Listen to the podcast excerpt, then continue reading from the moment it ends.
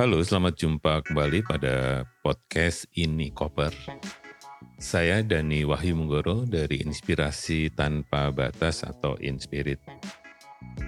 Kali ini saya ingin mengupas sedikit ya tentang beberapa hal yang berkaitan dengan fasilitasi.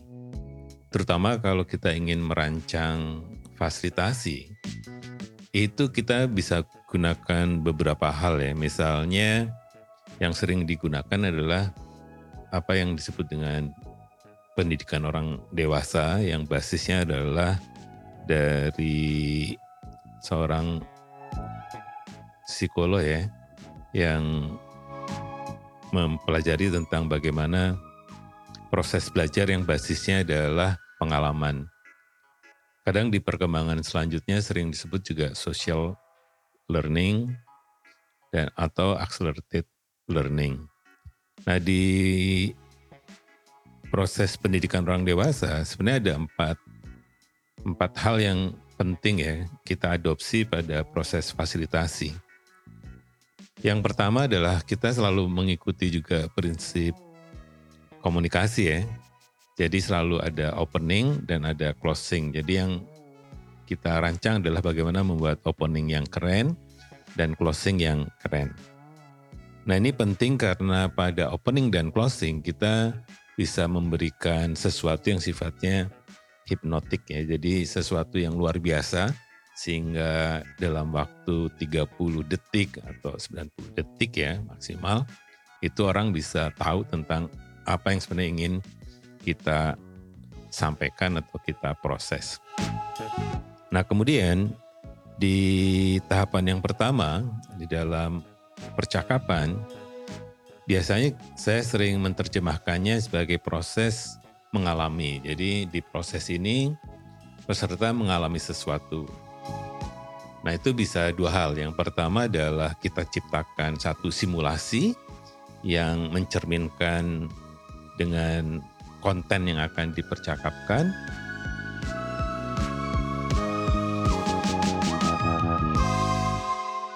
Atau sebenarnya kita bertanya kepada peserta tentang pengalaman-pengalaman yang sudah dilakukan.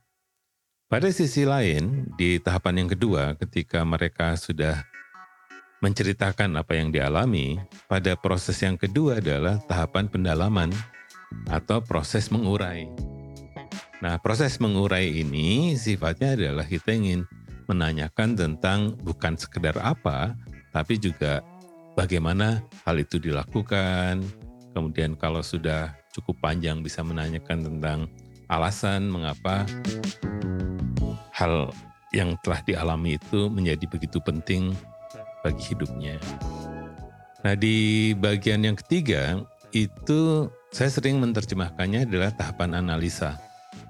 Nah tahapan analisa adalah mulai memilah ya, memilah apakah ada pengalaman-pengalaman yang sama atau opini-opini yang sama, apakah ada opini-opini yang beda, atau bahkan ada opini yang tidak bisa dimasukkan kedua hal ini, tetapi menjadi opini yang sangat menarik. Kadang satu ya sampai lima ada opini peserta itu yang sebenarnya ajaib ya.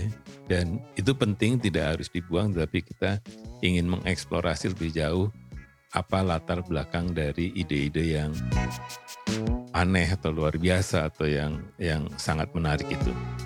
Nah, di bagian yang keempat kita masuk pada tahapan merangkum. Nah, merangkum ini bisa dilakukan oleh peserta, bisa dilakukan oleh kelompok, tapi juga bisa sebenarnya ditambahkan oleh fasilitator dengan memberikan informasi baru yang kaitannya dengan hal yang belum dirangkum oleh para peserta maupun kelompok. Jadi sifatnya hanya penambahan atau pengkayaan dari apa yang sudah disampaikan oleh peserta. Jadi itu yang sebenarnya menjadi penting ya di dalam merancang sebuah proses fasilitasi, yaitu ada proses mengalami, ada proses mengurai, ada proses menganalisis. Nah di proses menganalisis ini agak beda dengan di riset, sifatnya hanya ada apakah ada yang beda, apakah ada yang sama, kalau beda karena apa, kalau sama juga sebenarnya karena apa. Kemudian itu yang akan menjadi pikiran-pikiran yang masuk di dalam tahapan bagaimana keputusan akan diambil di dalam proses fasilitasi setelah misalnya melakukan tahapan merangkum. Nah, baru diakhiri dengan closing yang sangat menarik. Nah, biasanya opening dan closing itu sifatnya apa ya? entertain ya, menghibur. Jadi di dalam proses presentasi kita ingat bahwa sifatnya bukan soal informing sesuatu, tetapi juga sifatnya bisa entertain. Jadi sifatnya adalah menghibur untuk mengaktifasi lagi-lagi adalah otak kanan dari peserta. Nah, ada varian yang lain yang kita bisa lakukan di dalam proses merancang sebuah sesi, yaitu dengan menggunakan asset based thinking atau strength based thinking.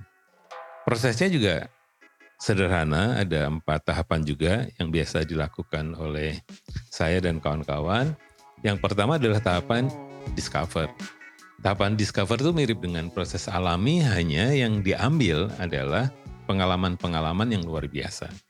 Pengalaman-pengalaman yang membuat mereka menjadi manusia seutuhnya, atau pengalaman-pengalaman yang paling membanggakan. Nah di proses ini kadang akan ada resistensi pada tahap awal karena kadang orang selalu apa ya semacam ngeles bahwa saya sebenarnya hidupnya datar-datar saja, tidak ada sesuatu yang menarik untuk diceritakan. Nah itu didengarkan saja karena biasanya itu hanya curhat sesaat gitu ya. Nah di tahapan yang kedua itu langsung ke dream. Jadi mulai diskusur langsung dream. Jadi kalau masa lalu diambil sisi positifnya, dream juga diambil dari sisi positifnya. Jadi mulai berimajinasi. Nah tahapan ini perlu transisi biasanya karena tidak semua orang bisa langsung berimajinasi. Nah, berimajinasi ini paling gampang adalah dengan alat bantu gambar untuk bisa sebenarnya mengeksplorasi hal-hal yang tidak terlihat karena bermimpi itu adalah seni melihat yang belum pernah kita lihat. Kalau sudah pernah kita lihat itu namanya berwisata. Nah, yang Ketiga, itu adalah tahapan desain. Nah, tahapan desain itu bukan tahapan planning, ini yang sering salah juga ya. Di tahapan desain itu mendorong mendorong peserta sebenarnya melakukan apa saja sebenarnya elemen-elemen penting yang harusnya ada untuk mewujudkan tadi impian. Sambil menanyakan tentang apakah pengalaman-pengalaman di masa lalu itu bisa digunakan sebagai kekuatan untuk mewujudkan impian itu. Jadi di desain itu sebenarnya isinya adalah elemen-elemen itu, elemen-elemen yang menjadi prasyarat untuk mewujudkan impian. Nah, turun lagi ketika dia menjadi elemen, kalau di program mungkin namanya outcome ya. Nah, di tahapan akhir, kita menggunakan apa yang disebut dengan deliver. Deliver atau destiny adalah inovasi apa atau langkah baru apa yang kita akan lakukan supaya impian itu terwujud sesuai dengan elemen-elemen yang telah dirancang tadi.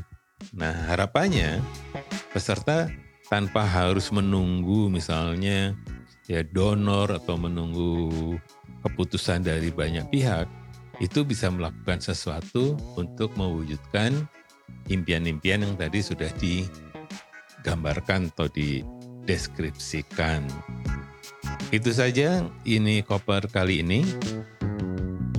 Kami di ini koper selalu percaya bahwa berbagi apa pun bisa dan selalu bermanfaat bagi kami di komunitas perubahan.